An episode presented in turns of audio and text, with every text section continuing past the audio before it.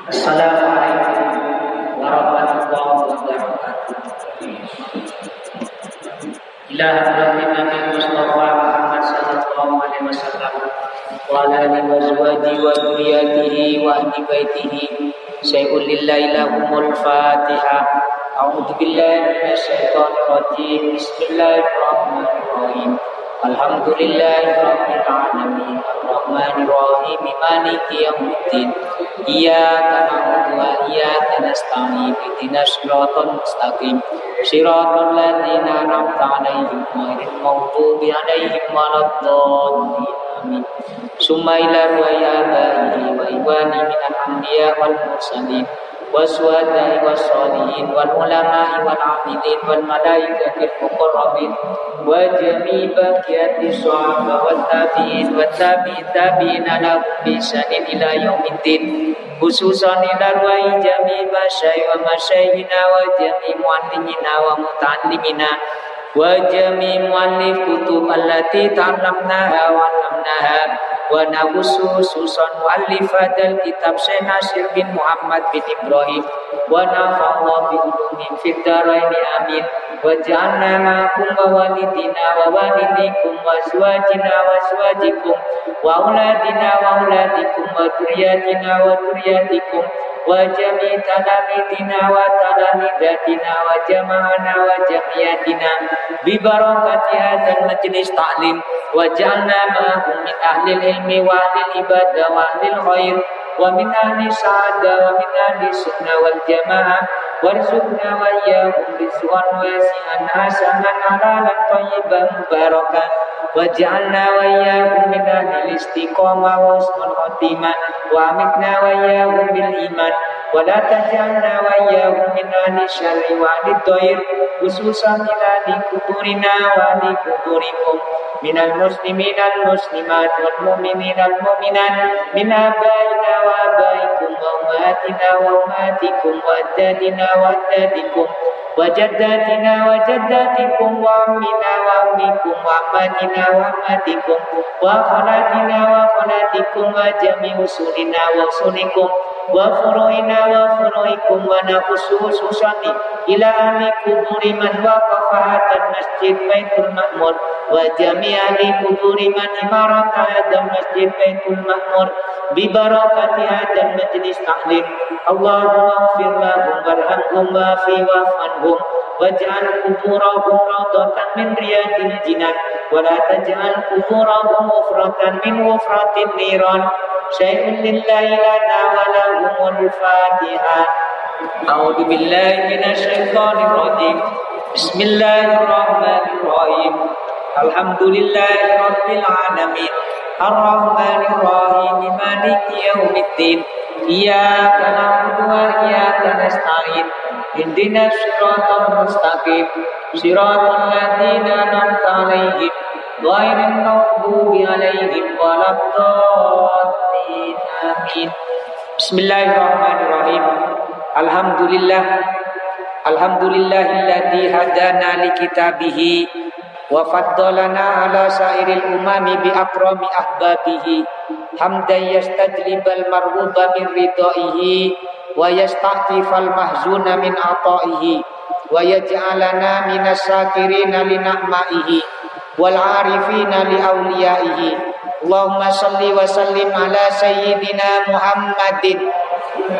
Al-Mustafa wa nabiyahu mujtaba wa ala alihi wa itrati tayyibin wa ala ashabihi wa ummati ajmain. Amma ba'du para bapak para ibu hadirin hadirat jamaah majelis taklim Masjid Baitul Makmur perumahan Geria Permata Alam mugi-mugi keistiqomahan kulolan panjenengan sedoyo melampai pengawasan rutinan dalu menika saged nambahi iman lan takwa dumateng Allah Subhanahu wa taala.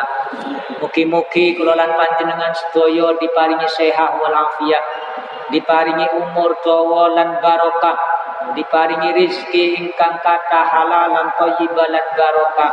Dan mugi-mugi ilmu ingkang kita waos dados ilmu ingkang manfaat fid dini wad dunya wal akhirah Mugi-mugi fadilah pengawasan menika keluarga keluarga panjenengan sedoyo dicatat kali Allah dados keluarga ingkang sakinah mawaddah warahmah lan mugi-mugi putra putri kula panjenengan sedaya didadosaken putra putri ingkang soli lan soliha sukses dunia lan akhirate. Amin ya rabbal alamin. Para bapak para ibu hadirin hadirat ingkang minulya kangge nglajengaken pengaosan kitab Tambihul Wafilin tasik nerangaken hifdul lisan. Kelolaan panjenengan dianjuraken diwajibkan menjaga lisan. Dalam dawuh sehakim minal hukama dari orang-orang yang ahli hikmah ada enam. Situ hisolin al jahil ada enam perkara yang mana orang tersebut bisa ditandai dengan enam perkara tersebut bahwa orang tersebut adalah orang yang bodoh ada enam perkara yang menandakan orang tersebut menandakan kebodohannya. Ya, muki-muki kalau bikin dengan gak termasuk gadah tanda singatan ini. Amin Allahumma. Enam. Sing pertama yang diarani dikategorikan leenek tandai orang tersebut dalam satu sifat si pertama niki maka termasuk orang bodoh yang pertama al-ghadabu fi ghairi syai'in. Marah bukan pada tempatnya. Jadi kalau jenengan muring-muring tentang hal yang tidak semestinya. Berarti kalau jenengan lek muring-muring tentang hal yang tidak tempat pada tempatnya, maka kalau jenengan niki gadah si tanda kebodoh kebodoh. Maksudnya nopo? Ya ala ibni Adam wa alal hayawan wa ala kulli kulli syai'in yastabbilu minhu makruhun fahada min alamatil jahli maksudnya niku wadok pada sesuatu yang tidak pada tempatnya kula jenengan marah terhadap hayawan enek kucing mangan iwak kula jenengan kucingnya dilempar sadar sing salah itu kucing kucingi Nopo mawon enek mano mangan sembarang sing rusak wes. Ternyata lah niku termasuk tanda kebodohan. Ketika kalau dengan anak Adam marah teng hayawan, maka orang tersebut dinamakan orang yang memiliki tanda kebodoh kebodoh. Sering boten kula dengan marah teng tikus kan. Padahal kalau dengan harus dikei akal. Ya nopo sekiranya gak terhindar dari dari hal tersebut. Ternyata saya kalah canggih tikus sih. Hari kalau dengan marah tentang tikus, marah hayawan. Ternyata kalau dengan niki ada ke tanda kebodoh. Berarti saya tereng kalau jenengan jadi menungso. Karena dipermainkan sifat marah jenengan oleh hayawan yang tidak memiliki akal. Paham? Wong hayawan gak memiliki akal Sedangkan bijinan diberi anugerah akal kok iso marah teng barang sih gak diberi akal. Paham maksudnya? Lama sholli ala Muhammad. Berarti kalau bijinan saking parah. Wong hayawan gak duwe akal kok kalau bijinan marah. Maka nih Allah ketika manusia hilang akalnya, Allah pun tidak menyiksa. Hilang tuntutan kalau jenengan. Maka nilai pingin selamat aras-arasan sholat, aras-arasan poso, kalau jenengan aras-arasan zakat yo daftar. Melok uang sing gak duwe ah, akal. Eh, selamat wis. Kalau jenengan jadi uang gendeng. wis gak iso meskipun gak sholat yo selamat. Kalau jenengan jadi uang hilang akale. Nopo male pikun. nih ketika orang punya akal, kata ulama nih, dia leres lah. Orang kok punya akal kok dikalano kali barang yang tidak memiliki akal. Sedangkan marah seperti bat katmil waitini Orang yang mampu menahan kemarahannya adalah orang yang paling he, hebat. Nah, ternyata kalau jenengan bikudo hayawan yang gak dua akal ternyata keluar kelemahan kalau jenengan sebagai manusia manusia yang berakal. Naudzubil, naudzubillah. Nah, ini pelajaran kan kalau jenengan Jelas-jelas bik jenengan sing sering teng oman iki lek enggak marah bik kucing, marah bik tikus. Ini malih sing nomor tiga sing nyebab marah nggih kecoa. eh sing kula jenengan digawe tulinan.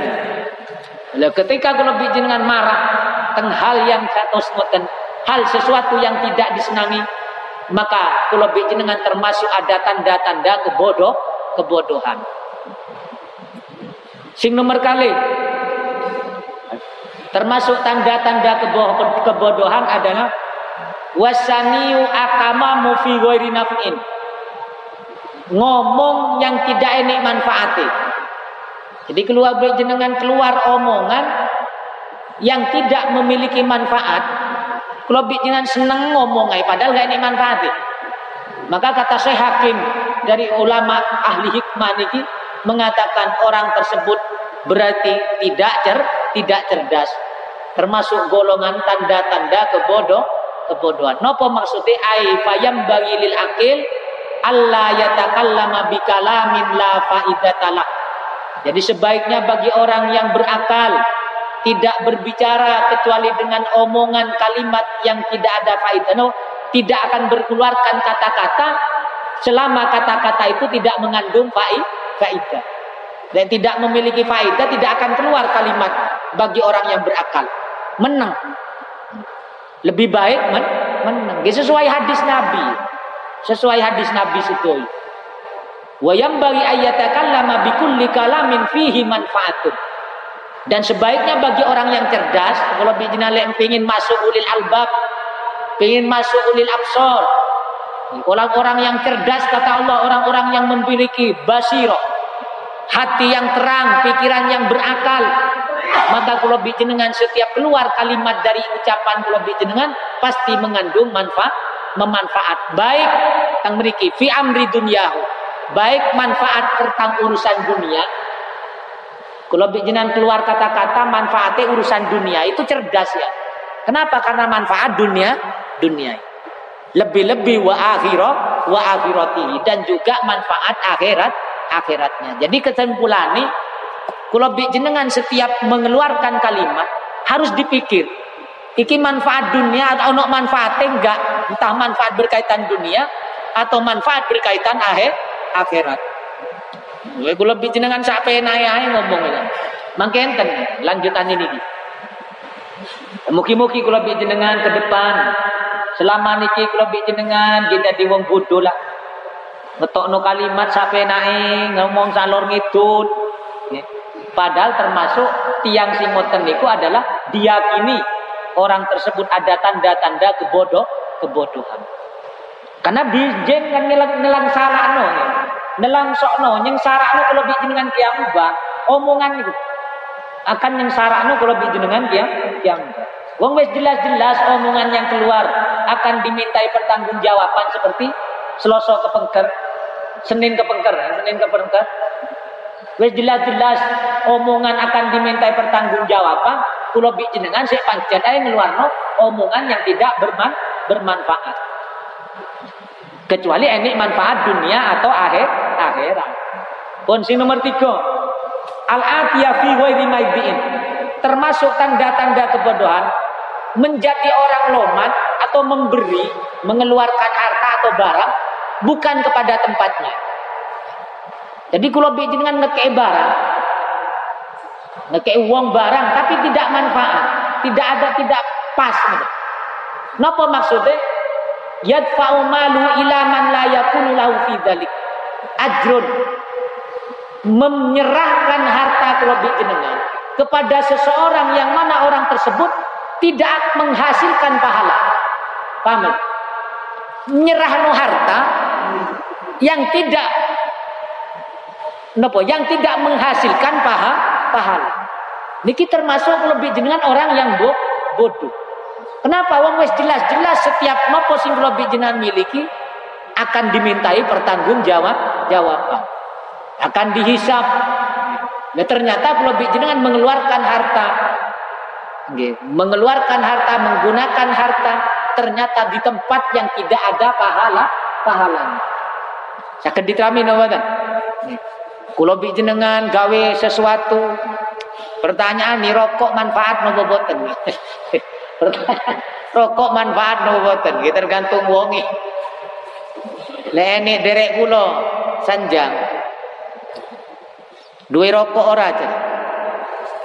Pas ketepaan pas boten ngerokok. Kalau boten ngerokok. Oh ya meskipun sampean gak ngerokok yang ngekei wong sing sing seneng rokokan. Lah kok iso? Iso ini hukumi rokok makruh. Enek sing ngaram. Ya enggak itu, sing penting niate nyeneng no wong. Ini cocok niate hukumi rokok ya. Cari ini diku lagi. Cari nyeneng no, nyeneng no wong. Wallahu a'lam. Harta lebih jenengan lek dikait no untuk menyenangkan orang lain. Niki mungkin termasuk paha pahala. Termasuk nyeneng no wong li, wong li. Selama lebih jenengan, tapi gak gak maksiat kan gak maksiat niku paten lek niku Mana lek melok sing haram ya gak melebet. Lek melok sing haram ya gak ma gak masuk sedekah rokok nih malok ring makro mawon samar-samar. Karena nopo makro lek teng bab toriko niku harus ditobat ditobati. Allahumma sholli ala Muhammad. Niki hukum lagi niki hukum. Masuk sing makro mawon wis sudah tidak mah tidak masuk. Ya usahno lah ojo sedekah rokok. usahno ojo sedekah rokok. Sing lebih jelas lah hukumnya. Tapi lek malo sing kayak wau niku nyenengno wong ya wallahu alam. Masuk masuk sing nyenengno nyenengno wong. Lah sing ngomong niku ahli ilmu, ahli kitab kan gitu. Sing ngomong teng kula niku ahli kitab. Kula enggak terlintas teng pikiran. Enggak terlintas teng pikiran. Iya rokok hukumi makruh. Tapi yang jelas menginfakkan barang yang tidak menghasilkan pahala maka yang jelas lebih jenengan termasuk tanda-tanda kebodoh ke tanda-tanda kebodohan. Wes jelas-jelas gak ini manfaatnya. Jelas-jelas gak akan menghasilkan pahala. Ternyata lebih jenengan wani kayak tetap mengeluarkan harta. Naudzubil, naudzubillah. Akan sia-sia. Percuma. Karena banyak yang lebih bermanfaat, bermanfaat. Maka ini perlu berpikir lebih jenengan urip nih. Setiap langkah, setiap nafas yang keluar, bukan hanya harta, nafas yang keluar akan dimintai pertanggungjawaban di sisi Allah Subhanahu wa taala. Sing nomor sekawan termasuk tanda-tanda kebodohan. Ifsa'us sirri inda kulli ahadin. Memviralkan memviralkan atau menceritakan barang sing rahasia enek uang dua rahasia. Kulo jenengan sumerep. Ternyata rahasianya orang ini adalah bi kulo jenengan malah dicerita-cerita nang wong. Di kabeh no wong ngomong, roh. Dan ini termasuk tanda-tanda kebodohan dalam diri kulo jenengan. Nah, ini hati-hati sing jadi wartawan. Ini aib pribadi nih wong. Mau nih paling bodoh, uang mencari hasil dari IP orang lah, IP orang lain. Wes susah nggak usah cerita-cerita no IP wong. Lah iso kalau jenengan nggak usah cerita cerita cerita cerita. Hal yang rahasia, wong ini rahasia. Kalau jenengan kok malah seneng nyi Arno IP wong li wong li. Nah, ini termasuk tanda kebodohan. Yang kelima, asikotu bikulli insanin Kula bi jenengan ketergantungan kepada orang lain. Keweden nang wong li, wong li. Waduh untung lah ini iki wong awak iki bahaya. Lek ini wong iki kayak ngoten hati nih ketergantung, ketergantungan. Bukan berarti gak perlu orang lain. Karena manusia diciptakan karena keterhubung, keterhubungan saling membantu. Maksudnya di hati. Kalau jenengan sakit mawon sing nolong iso wong liya atas izin Allah, atas izin Allah. Datang hati biar jenengan itu bukan karena orang ini. Tapi memang Allah sudah menakdirkan memberikan izin orang ini yang didatangkan. Karena ini orang tengati lagi tengati. Karena orang ini yang berbuat baik kepada kami, maka kami wajib tambah membuat bah, tambah berbuat baik. Itulah tuntunan agama. Tapi bukan berarti tengati kalau jenengan langsung gumantung kateng niki boten. Paham Ini adalah kiriman Allah. Iso mawon iso teko wong liya. Kenapa Allah lekun kadung berkehendak lewat lintuni kasak tidak tergantung kepada manu, manusia. Bukan berarti tidak perlu bantuan orang lain, boten. Maksudnya ke hati kalau bijinan tidak tergantung kepada pokoknya tawakal teng Allah, sinteng sing tuki itu adalah atas izin Allah. Nah ini, ini akidah dikuatmu, tawakal ini. Ya kalau bijinan kan kadang sering, waduh, krono si asing nolong, hari hati kayak teniku tok. Hari Allahnya tidak tidak ada. Dan ini sing paling bahaya, sing paling bahaya. Padahal semua yang terjadi ini atas izin Allah. Seperti kula nek dungo pas mut kono apa? Surah Waqi niku. Surah Waqi niku wa sibuk memuji orang-orang yang memberi dan sibuk mencaci orang-orang yang menghalang-halang halangan. Padahal miwara idzalika kulli. Sedangkan engkau ya Allah yang dibalik semua yang memberi atau yang menghalangi adalah atas izin atas izin Allah. Kalau bikin dengan lek sing ngekei disanjung gak mari-mari. Hari hati ini kalau saking fokus itu lek nyanjung membalas kebaikan pancen wajib kan. Tapi tengah hati ini kalau tengah hati ini ya Allah engkau telah mengirim orang ini. Saya akan berbuat baik kepada orang ini. Karena perintahi Allah. Berbuat baiknya itu karena perintahi Allah, bukan karena orang ini. Paham maksudnya? Kami juga ketika enek wong sing mencaci, menghalangi kelolaan panjenengan. Enek wong sing ngalang-ngalangi urusan kula jenengan. Kula jangan sibuk mencaci, ngelek-ngelek no. Padahal semua yang datang berbuat kebaikan teng kula jenengan dan datang berbuat kejelekan teng kula jenengan semuanya atas izin Allah atas izin Allah. Saged diterami. Makanya biasa mawon ngacepi wong. Wong sing ape ya disyukuri, wong sing elek ya disabar, disabari. Enggak usah terlalu benci, enggak usah terlalu sen senang. Tetap fokus teng mateng Allah. Dan untuk perkara hak belum minanas, ya tetap api. Wong sing elek ae kudu diapi. Paham ini? Wong sing elek mau itfa billati hiya ahsan. Orang yang berbuat jelek kepada kami, kami wajib berbuat baik baik. Nopo male sing api ngoten? Nopo male sing api berbuat baik teng teman malah tambah lebih api kalau bijinan seperti Rasulullah mengajarkan ketika engkau nyauri utang maka sahurlah dengan sauran yang terba yang terbaik. Lama sholli ala Muhammad. Sing nomor 6 sing nomor sekawan Allah ya'rifa sadiqahu Allah ya'rifa sadiqahu min aduihi orang yang tidak mengenal teman dari golongan musuhnya.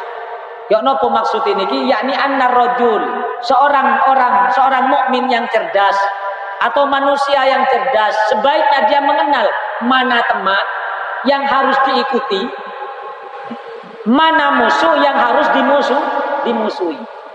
Wes jelas-jelas enek majelis taklim, ngajak sholat, wes jelas-jelas ngajak dikir, Wes jelas-jelas ngajak kebaikan, jelas-jelas ngajak kerukunan, kok malah diketingi. Berarti kan tandai gak cerdas. Paham maksudnya? Wes jelas-jelas ono uang ngajak keapian akhirat. Ono uang ngajak kesayangan, berbuat baik antar sami menungso. Wes ono uang jelas-jelas menjadikan kula jenengan mukmin sing hakko, mukmin sing hakiki. Kula jenengan malah gak diseneng disenengi. Lah ini kusing ini nggak kenal nami, nggak kenal teman mana yang harus diikuti dan tidak kenal musuh mana yang harus dimusuh.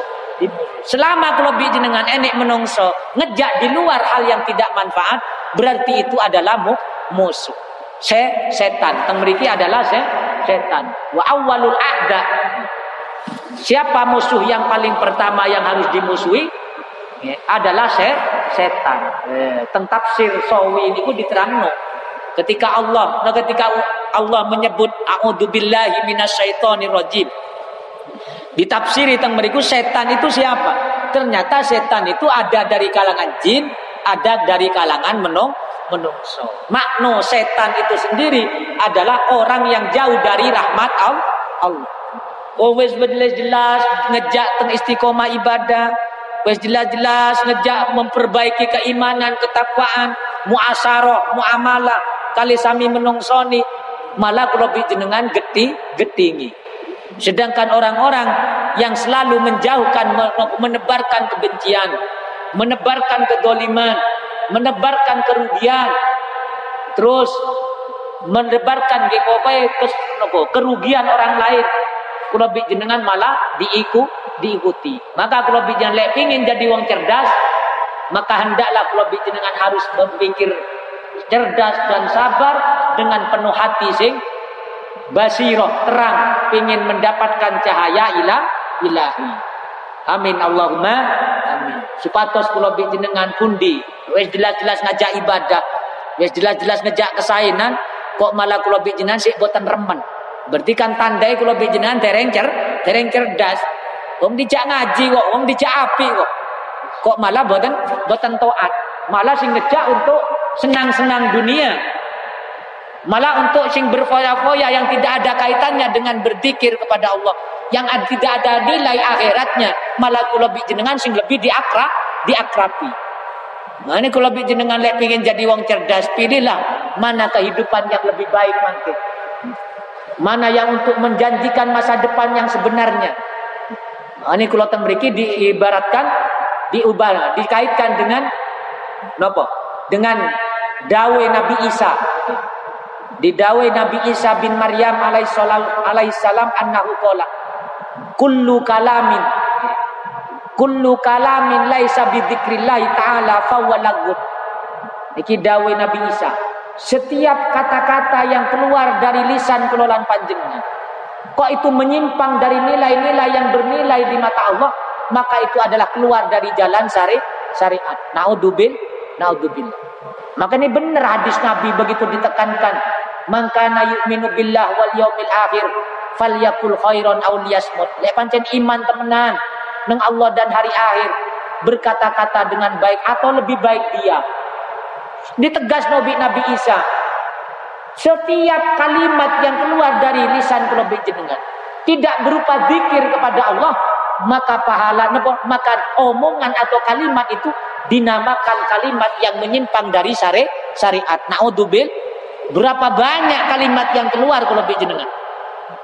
Berapa banyak omongan sing keluar selama urip kalau jenengan? Dan semuanya itu akan ditulis, dimintai pertanggung jawab, dikiri kala bi di omongan. Leres wong dikir lah istighfar 100 kayak wis kekagean. Sedangkan ngobrol satu jam nggak kroso, dikir istighfar 100 paling 5 menit. Tapi perasaan lebih dinamis kata, mari dikir istighfar. Kenapa? Langsung keluar hadis Abi dikir istighfar selama sehari minimal 100. Oh, sesuai dengan hadis. Tapi kalau jenengan mengeluarkan kata-kata 20 jam yang lain. Ternyata kata-kata tidak berdi, tidak ada kaitan dengan akhirat. Begitu ruginya kalau jenengan benjeng tengah ya, tengah akhirat. Lawun kata kata Nabi Nabi Isa. Wa kullu sukutin lanjutan dari dawai Nabi Isa. Wa kullu sukutin laisa bi fikrin fawa waflat. Dan setiap diam setiap pulau jenengan menang tapi tidak berkaitan dengan berpikir. Jadi otak pulau jenengan gak difungsi no berpikir untuk mengkaji kajian Quran, untuk mengkaji kajian hadis, untuk mempelajari nopo, nggak digunakan berpikir. Saya tadi sujud, ternyata kok si enek kesombongan ini, saya tadi ruku, ternyata kok hati saya kok masih memuliakan orang lain. Ternyata saya tadi nopo namini wis berdikir memuji kepada Allah, ternyata kok si tereng tenang hati. Berarti selama kalau jenengan berpikir ngoten meskipun dia kata Nabi Isa maka kula jenengan dianggap orang yang la lalai termasuk minal wo wofilin orang yang lalai. Tidak bernilai lah uripe tidak berni bernilai. Seperti sing kula sampai akan dawe Abu Dar lek boten keliru. Sing teng kitab Ihya niku. Satu jam yang terlepas tidak berzikir kepada Allah maka kula jenengan longso sak lawase teng surgani Allah. Ketika satu jam lepas tidak berzikir kepada Allah, maka kula jenengan akan getun sak lawa, sak lawase. Iling mawon Satu jam sing pernah lepas tidak berzikir kepada kepada Allah. Ini mungkin niki. Tidak ada kaitan menang tapi enggak ini berpikir berpikir. Pun si nomor tiga kata Nabi Isa wa kullu nadrin laisa bi ibro. Setiap lobi jenengan berpikir memandang. Setiap lobi jenengan memandang tapi tidak mengambil pelajaran. Pandangan lobi jenengan nyawang wong mati, nyawang wong urip, nyawang wong ibadah, nyawang wong maksiat, nyawang wong kerja. Kalau bicara tidak berpikir, tidak mengambil pelajar, pelajar. Maksud dibadikan nopo nah, referensi lah bahasa nih. Kalau bicara tidak pernah menjadikan referensi, tidak menjadikan inspirasi. Atau lek umpamanya sing maksiat tidak menjadikan pelajaran ya Allah, lek aku maksiat kayak itu. Resiko ngono. Ini tidak mengambil pelajaran. Lah kula jenengan ketiap mandang sesuatu kok tidak mengambil pelajaran. Maka apa resiko ini wow fawala lahun. Maka kula jenengan dianggap bermain-main tok urip niki. Jadi urip kula jenengan dianggap bermain ma bermain-main. Tidak mampu meningkatkan kualitas iman, tidak mampu meningkatkan kualitas tak takwa. Lama sholli ala Muhammad. Jadi semua namanya orang cerdas niku. Makanya Al-Quran berulang-ulang. Afala tadakkarun. Afala takilun. Kenapa? Ketika Allah menceritakan tentang umat-umat sien tentang Al-Quran. Bagaimana umat sien cerdas gagah. Tapi ternyata kufur dan nikmat Allah. Diadab oleh Allah. Hancur tidak ada bekas. Mantun ngoten baru Allah mengatakan. Afa, ya ulil albab. Afala tadakkarun.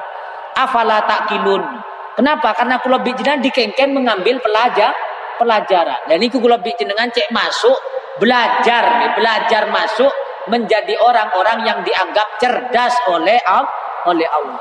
Amin Allahumma. Lah enggak ngaji ngoten kan enggak ro yo nopo carane mandang we biasa ae mandang. Meskipun kalau bi jenengan mandang wong maksiat, pandanglah sebagai pelajaran. Bukan berarti seneng lho. Lek seneng akhirnya dicatat dosa, dosa. Umpami pas gak gak sengaja nyawang maksiat. Nah, kalau ngambil pelajaran, ya Allah begitu beraninya orang ini nantang Allah. Apa? Tapi kan berpikir, apa orang itu sudah tahu agama apa belum? Kan timbul berpikir kalau bicara. Kalau nate, teng daerah kediri ini yang tempat gak api, tempat maksiat. Ketika kulo lewat, di rencang-rencang pas liburan pondok, liburan pondok. Ketika lewat tempat maksiat nih, Ternyata apa? Di dalam tempat maksiat nih, ternyata ada anak kecil yang belajar. Bayang. Ada anak kecil yang bela belajar. Padahal tempatnya tempat maksiat. maksiat. Di situ ada keluarganya, di situ ada anak kecil yang masih tumbuh, tumbuh mau tumbuh dewasa. Ini kira aku lebih jangan berpikir. Berarti kan tidak semuanya tempat-tempat yang seharusnya diklaim elek kape, ternyata masih ada yang perlu diselamatkan. Jadi tidak mestinya lebihnya langsung lewat tempat elek-elek kafe belum tentu. Ternyata di situ masih ada anak yang tidak harusnya dihu dihukum. Ini seperti wow nih akal.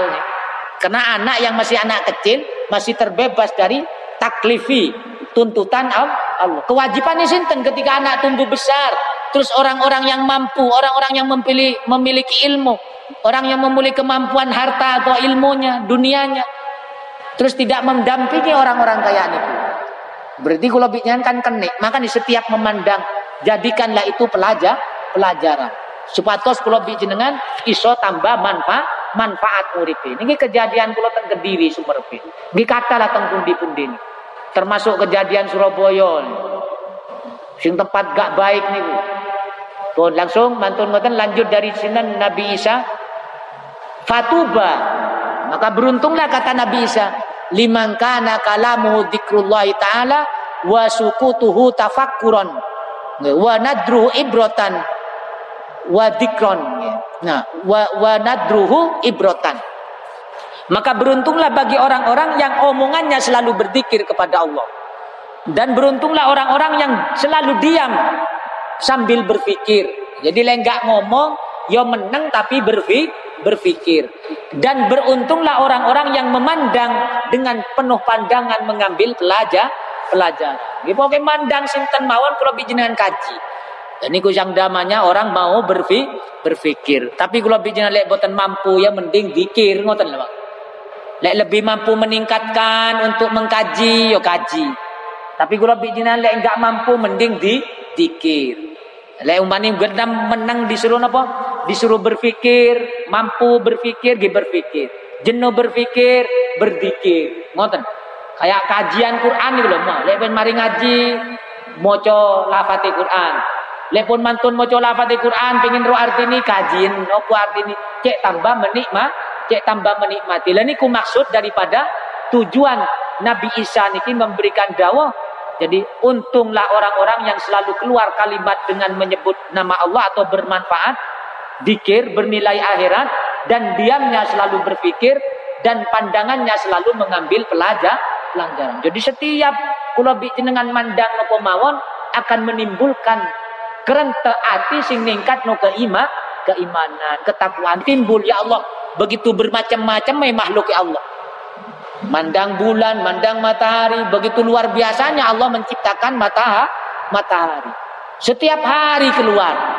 Kalau jenengan mendapatkan manfaat dari matahari, berpikir. Gak tahu bayar token, gak bayu, gak tahu bayar list, listrik, gak tahu ngeces, gak tahu sembarang. Nikmati Allah. Sedangkan kula jenengan taman listrik mawon yo mal bengi dipateni, yo bayar kan bulan. Lek enggak bayar ditabut. Sedangkan Allah memberikan matahari siang, malam kadang sik dike rembulan. Allah enggak tahu nuntut tengkulo jenengan. Cuma dituntut kengken berzikir niku mawon manfaat kangge kelolaan panjenengan seto setoyo. Pun.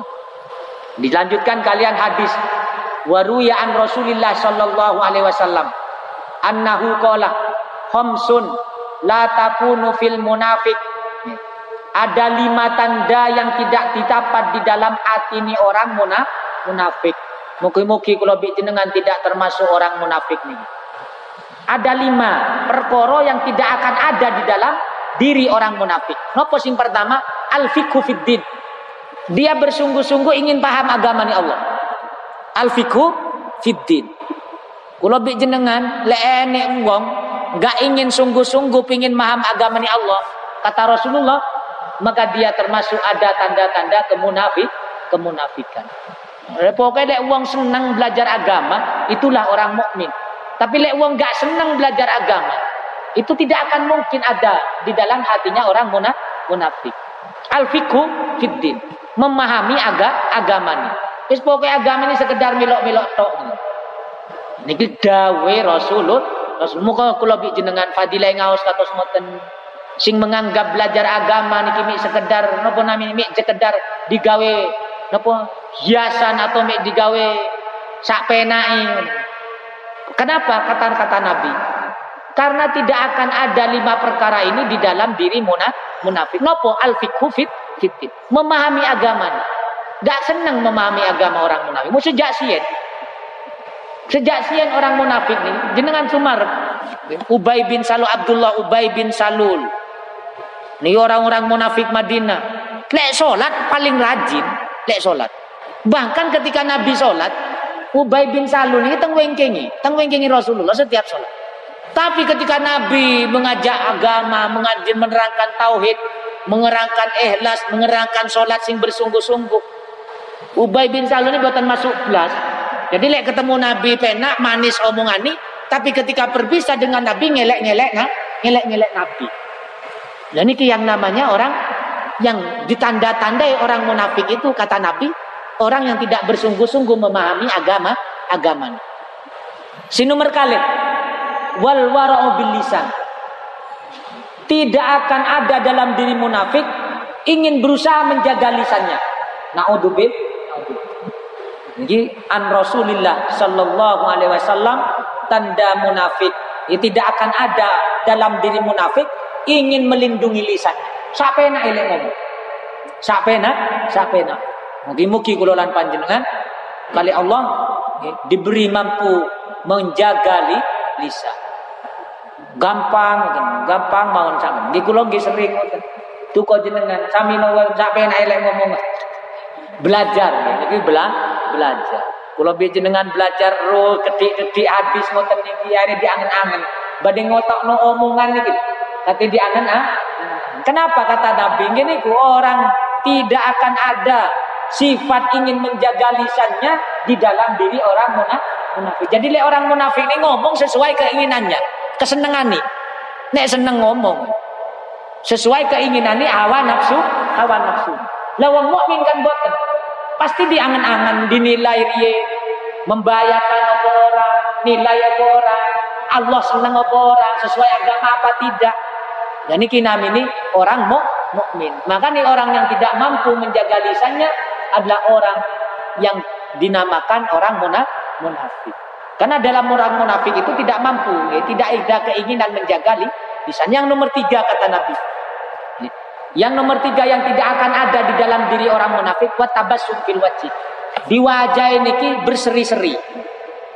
Wajah orang munafik niku tidak berseri-seri. Benten benten lek sing teng contoh-contoh hadis nggih teng hadis-hadis sahih termasuk teng riwayat Muslim, teng kitab Riyadhus Shalihin niku dijelasno banyak orang orang-orang munafik etok-etok senyum omongan mah omongan manis. Tapi benten kali wong mukmin. Lek wong mukmin ini pancen dengan wajahnya, gesture, paham? Gestur wajahnya itu orang mukmin itu selalu memberikan kecerahan. Paham? Gestur tubuhnya, wajahnya. Gestur wajah ini tuh pancen memberikan kesejukan. Boten mecucu kayak boten bengkeret kok. Iku karakter apa namanya? Tekstur. Tekstur wajah ini tuh selalu bersen bersenyum. Tabassum fil wajhi, wajah. Wajah ini ku penak kayak mantu nyuwun sewu kayak terus lu menampilkan wajah sing ceria niku ini orang mukmin. Tapi le orang munafik tidak tidak akan ada wajah keceriaan ada wajah senyuman ada wajah okay, sing sing pokoknya menyenangkan lah. Dalam diri munafik. Sing nomor gangsal wan nuru fil kolbi orang-orang tidak akan ada dalam hati orang munafik cahaya keimanan dalam hati. Jadi mik dohirit tok sing api. Dohirit tok tapi tengah hati ini penuh dendam. Tengah hati ini penuh hasut. Tengah hati ini penuh marah. Tengah hati ini penuh kebohongan. Tengah hati ini penuh ambi, ambisi. Muki-muki kula bi jenengan fadilah ngaos talu menikah. Diketik-ketik lah kalau jenengan kali Allah diberi kesembuhan dari penyakit-penyakit sing merongrong keimanan kalau jenengan sing mampu merusak amal-amal soleh, amal-amal soleh. Kulo jenengan muki-muki kali Allah selalu diberikan hidayah, diberikan taufik dan diberikan cahaya ilah ilahi teng hati kulo jenengan. Are seneng. Seneng lepun enek cahaya hati, cahaya ilahi, nurillah, cahaya ilahi teng hati kulo jenengan. Enggak seneng, Pak. Mereng yang bertidak bernilai di mata agama. Hal yang tidak sesuai dengan syariat. Kulo jenengan ini buat nikmat murid merasa tidak tenang. Awak ini kalau merasa tidak kan contoh kalau bijan biasa nih milok ngaji. Murah-murah kalau bijan nggak ngaji jadi kalau bijan lek tengah hati timbul ada cahaya nggak tenang. Kalau bijan biasa istiqomah sholat jamaah. Murah-murah nggak jamaah nggak kira tenang hati lek kalau bijan dengan ada hati cahaya ilah cahaya. Niku yang nyamannya yang setrum langsung kerentek kayak sinyal tengah api niku Ya nopo sinyal tengah HP langsung nyambung. Ya Allah langsung nyambung. Hati ini kalau bicara tentang tempat-tempat kebaikan itu langsung nyam, nyambung. Persis kayak sinyal ini. Ketika ada kebaikan, kalau biasa ngelampai, ternyata kok tertinggal, pasti ada gelisah. Nikulah yang namanya nurul kol cahaya hati. Dan orang munafik tidak seperti itu. Alah wis, mek lambat saiki gampang. si akeh. Gampang ae gak ngaji gak salat yo meni yo isi ono jamaah. Engko mari iki yo dikir liyane yo iso. Gak ada ketakutan, gak ada kekhawatiran. Pun sing terakhir, sing terakhir kata Nabi yang tidak ada dalam diri orang munafik kata Nabi wal mawaddah fil muslimin. Wal mawaddah fil muslimin. Cinta Kulo jenengan tengah hati kulo tidak ada kecintaan terhadap podo muslim muslim. Naudzubil maka nih kalau jenengan niki tanamkan kecintaan kepada sesama muslim, nopo mali sama jamaah, nopo mali sami kampungi, nopo mali sami tonggone dulure, nopo mali gi podo-podo salat teng masjid, podo salat, podo islami, wong podo menungso podo muslimi, niku kudu ada kecinta, kecintaan. Bahkan kali Allah dalam keterangan-keterangan yang sien kata Nabi, kata Nabi, kula jenengan mencintai orang lain sama mencintai awake dewi. Tidak fokus kepada orang muslim toh. Tapi li kita ndai munafik. Lah kula bi jenengan wong muslim ae lewes gak enek kesenangan, cinta. Berarti kula bi jenengan niki ada munafik, munafiknya. Naudzubillah. Wong nang mau padha mukmin lho kok mangkel. Paham? Nang padha mukmin kok den denda. Kudune kula bi akan berusaha ya Allah, kok saya duwe mangkel terus ae diteliti niku lah perlu ibrah. Perlu pelajaran, perlu diangen-angen, perlu berpikir supaya kelebihan keluar dari hal-hal yang di dalamnya ada sifat kemunafik. Kemunafik. Kenapa? Orang munafik di hatinya tidak ada kecintaan kepada sesama mus muslimnya. Maka nih ketika kelebihan tidak cinta kepada sama muslimnya, maka perlu istighfar. Ya Allah, ternyata hati kulo padam cahaya ilahinya. Ternyata hati kulo dicabut hidayah Allah. Dipadamkan kali Allah. Istighfar, kembalikan cahaya ilahi. Rabbana la tuzil qulubana ba'da id hadaitana. Jangan dicabut ya Allah hidayah panjenengan. Sing pun wonten dan mugi-mugi fadilah pengawasan niko kula lan panjenengan nggih hablum minallahi tambah semangat.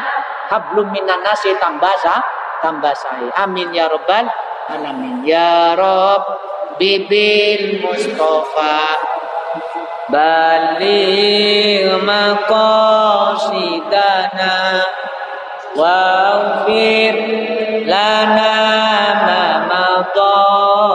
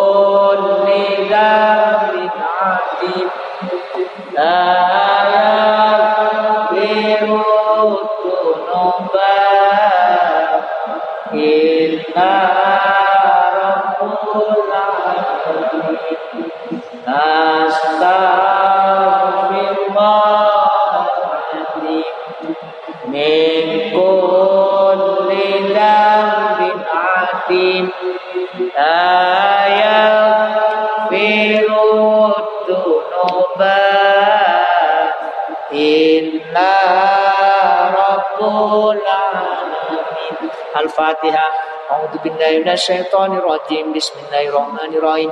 الحمد لله رب العالمين. الرحمن الرحيم. مالك يوم الدين. إياك نعبد وإياك نستعين. اهدنا الصراط المستقيم. صراط الذين أنعمت عليهم غير المغضوب عليهم ولا الضالين. آمين. nyun agung ibang punten kelairi assalamualaikum warahmatullahi wabarakatuh